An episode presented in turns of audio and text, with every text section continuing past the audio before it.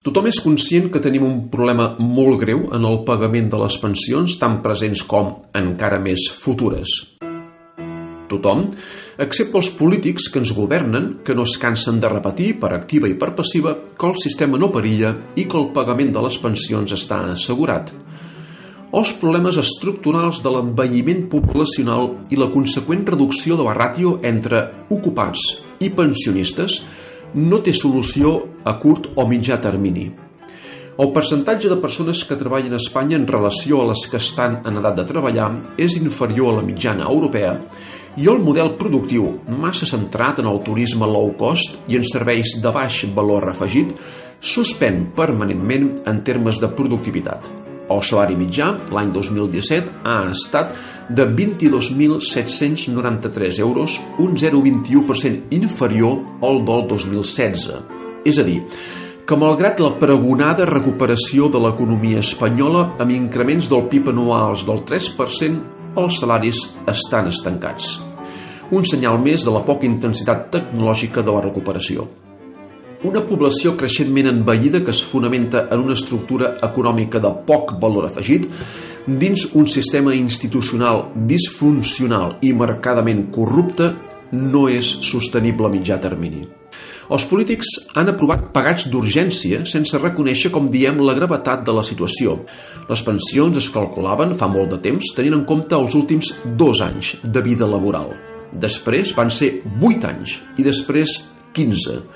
Rodríguez Zapatero va reformar les pensions públiques el 2011, elevant l'edat de jubilació fins als 67 anys, establint que la base reguladora es calculi a partir dels últims 25 anys de vida laboral i augmentant fins a 37 el nombre d'anys necessaris per cobrar el 100% de la pensió. La tendència és ampliar el període de càlcul fins a abarcar, com ha suggerit la ministra de Treball i Seguretat Social Fàtima Báñez, tota la vida laboral. També la popular Celia Villalobos ha recomanat, com si això fos possible i fàcil eh, amb rendes baixes, la subscripció de plans de pensions privats amb entitats financeres. Rajoy, en el seu torn, va tornar a reformar les pensions el 2013 establint el factor de sostenibilitat intergeneracional i la no indexació amb l'IPC. Des de l'any 2014, les pensions incrementen el 0,25% anual, inferior a l'increment del cost de la vida, i perden, per tant, poder adquisitiu. La secretària confederal de Polítiques Socials, Ocupació i Seguretat Social de la UGT, Mari Carmen Barrera, ha qualificat l'augment de les pensions de forma molt miserable i insuficient i la central sindical ha iniciat una campanya de denúncia que es prolongarà durant tot l'any i que es visualitzarà amb un llaç marró. L'envelliment de la població, l'atur permanentment superior a la mitjana europea i la precarietat laboral de molts treballadors han donat un cop de mort al sistema actual, que requereix, a crits, canvis importants. Retinguem algunes dades. El nombre de pensions pagades a Espanya és actualment de 9,6 milions per un total de 8,7 milions de pensionistes. Pensem que aproximadament un milió de pensionistes cobren dues pensions alhora, com jubilació i viduïtat. Això suposa una despesa superior als 110.000 milions d'euros anuals o l'11% del PIB. D'acord a la Comissió Europea i la Fundació d'Estudis d'Economia Aplicada, FEDEA, mantenint les actuals taxes d'ocupació i sense retallar les pensions, aquesta despesa es dispararà el 2060 fins al 18,5% del PIB, és a dir, un 7,5% del PIB addicional. Això suposa un increment en la despesa anual superior a 83.000 milions d'euros. Pensem que actualment la Seguretat Social ja presenta un dèficit anual de 15.000 milions d'euros, finançat amb el recurs al Fons de Reserva de les Pensions que està a camí de l'exauriment i finançat també amb deute públic que és la més perillosa de totes les bombolles. Aquest desequilibri gegantesc, si no augmenta la productivitat del treball ni es redueix l'atur actual, pot superar perfectament els 100.000 milions d'euros.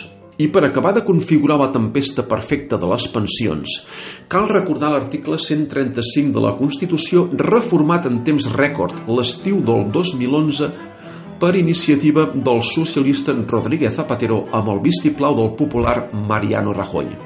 La nova redacció de l'article dona prioritat absoluta al pagament dels interessos del deute públic, abans que la sanitat i l'educació, amb el manteniment d'hospitals i escoles, abans que les pensions i els serveis socials, amb el pagament de jubilacions i atenent casos d'exclusió social, cal pagar els creditors de l'estat espanyol, per imperatiu legal, perquè així ho mana la Constitució.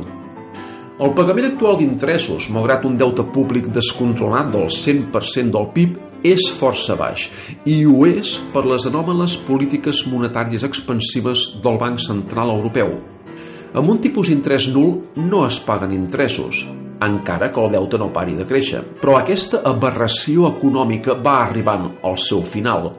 Els Estats Units, que porten la batuta en el concert econòmic internacional, ja han iniciat la pujada del tipus d'interès.